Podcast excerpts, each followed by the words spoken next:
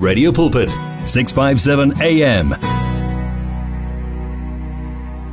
1446 seka khona la umfundisi Prince Nhlapo uzos um um motivator nakulolu suku. Um ninjani sikekethe Siyabingelela sisihle egameni lenkosi ninjani? Umthuku Siyaphila nathi. iSunday yakho ihamba kahle?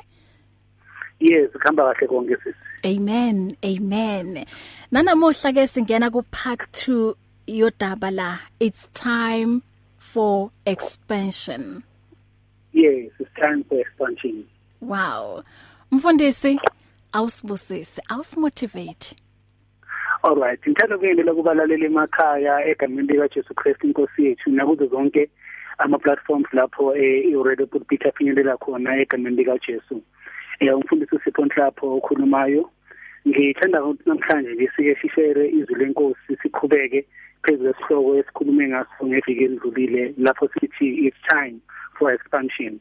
Sifunda ezwini likaNkuluNkulu encwadini yamakhosi chapter 6 verse 1 to 7 eh ngenxa yesikhathi ngicela nje ukuthi umlaleli ekhaya asifundele I'll just give a brief summary of what is happening in the story. In the story we find uh, izimleko zikaNkuluNkulu or rather the sons of the prophets who were led by Elijah in a school of prophets. Eh iBhayibheli litshela ukuthi indawo ebebehleli kuyo was too small and then they saw a need for expansion. They saw a need for ex for extending the place where they dwelt in. Omunye wabo wathi kuhle ukuthi baye eJordan omunye nomunye athole ugodo okanye ukhuni lapho bazokwazi ukuextenda indawo abahleli kuyona. And also iBhayibheli lithi inceka uNkulunkulu yahamba nabo besasebenza njalo. Omunye inhloko yembazo yawela emanzini. Uma yewela emanzini wamemeza wathi inkosi yami ibibolekiwe ibitshelekiwe inceka kaNkuluNkulu yathatha uthi lwesihlahla oluthile lapho waliphontela emanzini. Kulapho sibona khona kwenzeka isimanga. Insimbi leyo yaphakama yaphakamela phezulu ukuze lona obekayiwisile akwazi ukuthi ayibuthe ayithathe. Na kule ndaba lena uma uzoyifunda zine izinto esizitholile okanye enisitholayo number 1 sithola idaba lokuthi we have a need for expansion but also it speaks to indaba ye action number 1 is expansion. Number 2 action. Number 3 commitment to the task. Number 4 leadership in a context of mentorship and coaching. Last week we tried to explain or rather we explained ukuthi what is expansion. Just nje ngamaphupha ngamafishane ngithanda ukuthi ukuthi sesabheka ukuthi definition yesinye okanye explanation lethi expansion speaks to becoming larger it speaks to growth and development. It also speaks to a progressive mindset ukuthi umqondo wethu must become progressive. We must not remain in one place for a long time. We, then we must not be trapped in a, a, a mentality of smallness you know. We need to expand ourselves to izinto ezingcono okanye to izinto uNkulunkulu asibekele zona empilweni yethu ukuthi sifinyelele kuzona. Esikhathini esiningi singabantu we find ourselves majoring in smallness. We major in our failures. We major in our shortfalls. We major in the things that people are saying about us rather than majoring on the purpose of God ngempilo yethu. We we must cease to play small or rather to major on those things and minoring on the things that are important. But it's time that we move from majoring on the smallness to majoring on the purpose of God ngempilo yethu singabantu and then what we also talked about ukuthi i-expansion speaks to the breaking of limitations. It means we stretch ourselves beyond limitations beyond ama ama barriers athile empilweni yethu. We need to stretch ourselves beyond those things. You know kuneminyanga efanele sikwazi ukuzivikela kuyo siyibhodloze sindlulele ngale kuyona. And one of the things esiyibhekile last week was ukuthi the sons of the prophets they saw a need for expansion. Now kuninto ezintathu nje engifuna ukukhuluma ngazo namhlanje eh eqhubekeni ngalesi sihloko ukuthi the three things that we need for expansion empilweni yethu we spoke about expansion in self and we spoke about personal growth. Ukuthi as an individual it is important that you grow as a person. You grow spiritually you grow psychologically you grow emotionally you grow even in knowledge and information. Allow yourself ukuthi ukhule expand ekutholeni ulwazi. And ulwazi okanye information cannot only be formal but it can also be informal which means we need to open ourselves to knowledge open ourselves to information information iyatholakala endaweni eziningi kuma search engines on the internet kuma libraries and so on. You do not need to limit yourself to academic information or academic knowledge kwezinye izinto.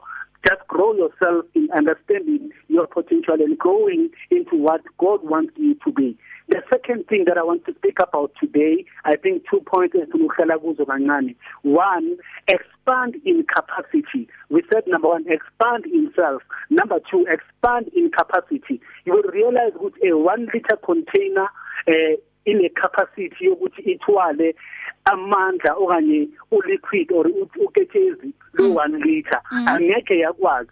Yeah. Angeke yakwazi ukuthwala 5 liters of substance ngamanye amagama lokho kunye kuyalahleka kuba wasted? Why? Because the container is only capable to carry as much as size you know. The greater the substance the bigger the container must be. Okunye ukuthi okwesithiwe example engifuna ukuyiveza ukuthi i believe ukuthi we have all experienced load shedding at some point kuma areas esikuyo we are told that ama power stations that produce electricity okanye izindawo lezi zipheka ugesi cannot cope with the demand in electricity supply, meaning that there must be an increase in the supply to meet the demand. That is why we could we, will always experience load shedding you know ngamanye amagama amandla wokuproduce okanye amandla we demand abamancane kunamandla we-production. Now we need to expand in capacity, expand in your capacity, in your giftings, in your talents, in what God has given you. If you are a musician, expand in that, grow, uh, go for voice training, go for music lessons, you know. If you are a caterer, go for cooking lessons, expand, expand yourself in your capacity because when demand comes, it needs to be met. and ukuze ukwazi ukuyimeet idemand empilweni yakho you need to have grown to a certain capacity ukwazi ukucontainer ukukhula okuthile empilweni yakho na kubalekile ukuthi singabantu abaphuphayo or singabantu abanama dreams we expand in our capacity can i say this uh, your impact will be limited to the size of your capacity. Ngamanye amagama i-impact yakho ayikwazi ukuthi ingandlulela phezulu we-capacity onayo. Now kubalekile ukuthi uzikhulise so that you can have greater impact you know. Even as a church even as a body of Christ we need to to to, to enlarge our capacity uh, to grow our capacity in order for us to be relevant in our societies to be relevant in our communities to be relevant even to the people abakhonza emabandleni wethu in our impact. I-impact here is determined by the size of our capacity. Number 3 of which is the point engifuna ukugcina ngalo namhlanje expand through networks expand through networks. We said number 1 expand in self. Number 2 expand in capacity. Number 3 expand through networks. You will understand ukuthi you will never grow in isolation. You will never have impact when you are in isolation. Teamwork work better. Uh, connecting with other individuals who are on the same path as you it will help you it will help you grow. You will grow in your networks or through networks what what happens we learn through networks. Kuba no information esiyitholayo esiyisherayo kuma networks nama gatherings athile okanye kuma associations of people we network with. We learn from each other. We better each other through information but also we grow through networks. So abanye abantu ukukhula kwabo kuba nje ukuthi they do not want to associate with the relevant and the right people. But also in networking it's very important and key that as an individual ubheke ukuthi abantu ohlanganyela nabo inhloboni yabantu. Ingabe yile nhlobo ezokuthatha ikubeke endaweni efaka ube kuyo ngokuya ngokwephupho lakho okanye ngokuya ngokohlelo lukaNkulunkulu ngempilo yakho okanye abantu abazolimaza lokhu uNkulunkulu afuna ukwenza ngempilo yakho. So in expanding through networks be careful of the associations you you come across. Be careful of the associations that are around impilo yakho egameni lika Jesu ngithanda ukuthi nje libe lapho namhlanje. Wow, wow mfundisi. Um inamandla, imotivation yangempela uyasimotivate eh kulentambama ukuthi singayilimiti singabantu uthi expand in your capacity. And ikakhulukazi kulesikhathi esiphila kusona isikhathi se technology so cabanga nje ukuthi mhlazani bathi imoto mhlawumbe ngeke isa drive wa the way drive wangakhona kwamanje and wena uyilo muntu othi hayi mina uyazini? Ngifuna i um kuthiwa yini? Manual. Mina ngingi used to manual. Mongabuka vele imoto zamanje mfundisi ziyakhuluma nathi. yes. zikhuluma nawe. zi advanced imoto zamanje. Ngikhumbula ngelinye ilanga ngithi ngidriver i Mercedes angithi I'm used to ukuthi oh you you press and then imoto iyaduma ithi hayi cha akusenziwa njalo like abo reverse yonke into ila. Wow wow. Yonke into ila yes it talks to you yes. so therefore we mm -hmm. need to expand in knowledge you know. Sithole ulwazi ukuze senze izinto ngendlela efanele. Ngendlela efanele. Mm. Yes. thank you so much mfundisi. Asiphinde futhi sihlangane evikini elizayo. Konje bakuthola kuphi? Okay usipho nhlapho utholakala ku 0659996630 on Facebook ngitholakala ngegama elithi Sipho Prince Nhlapho Mhm.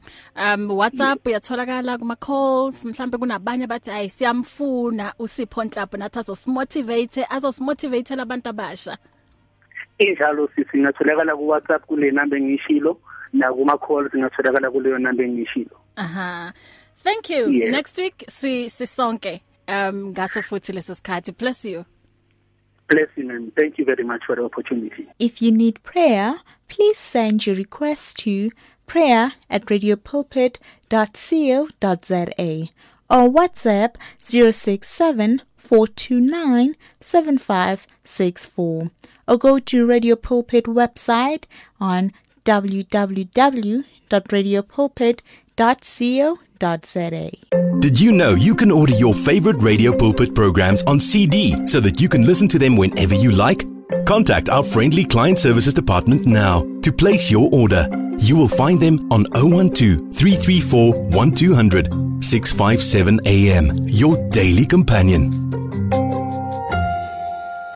You and 657 AM and life, a winning team on the road to eternity.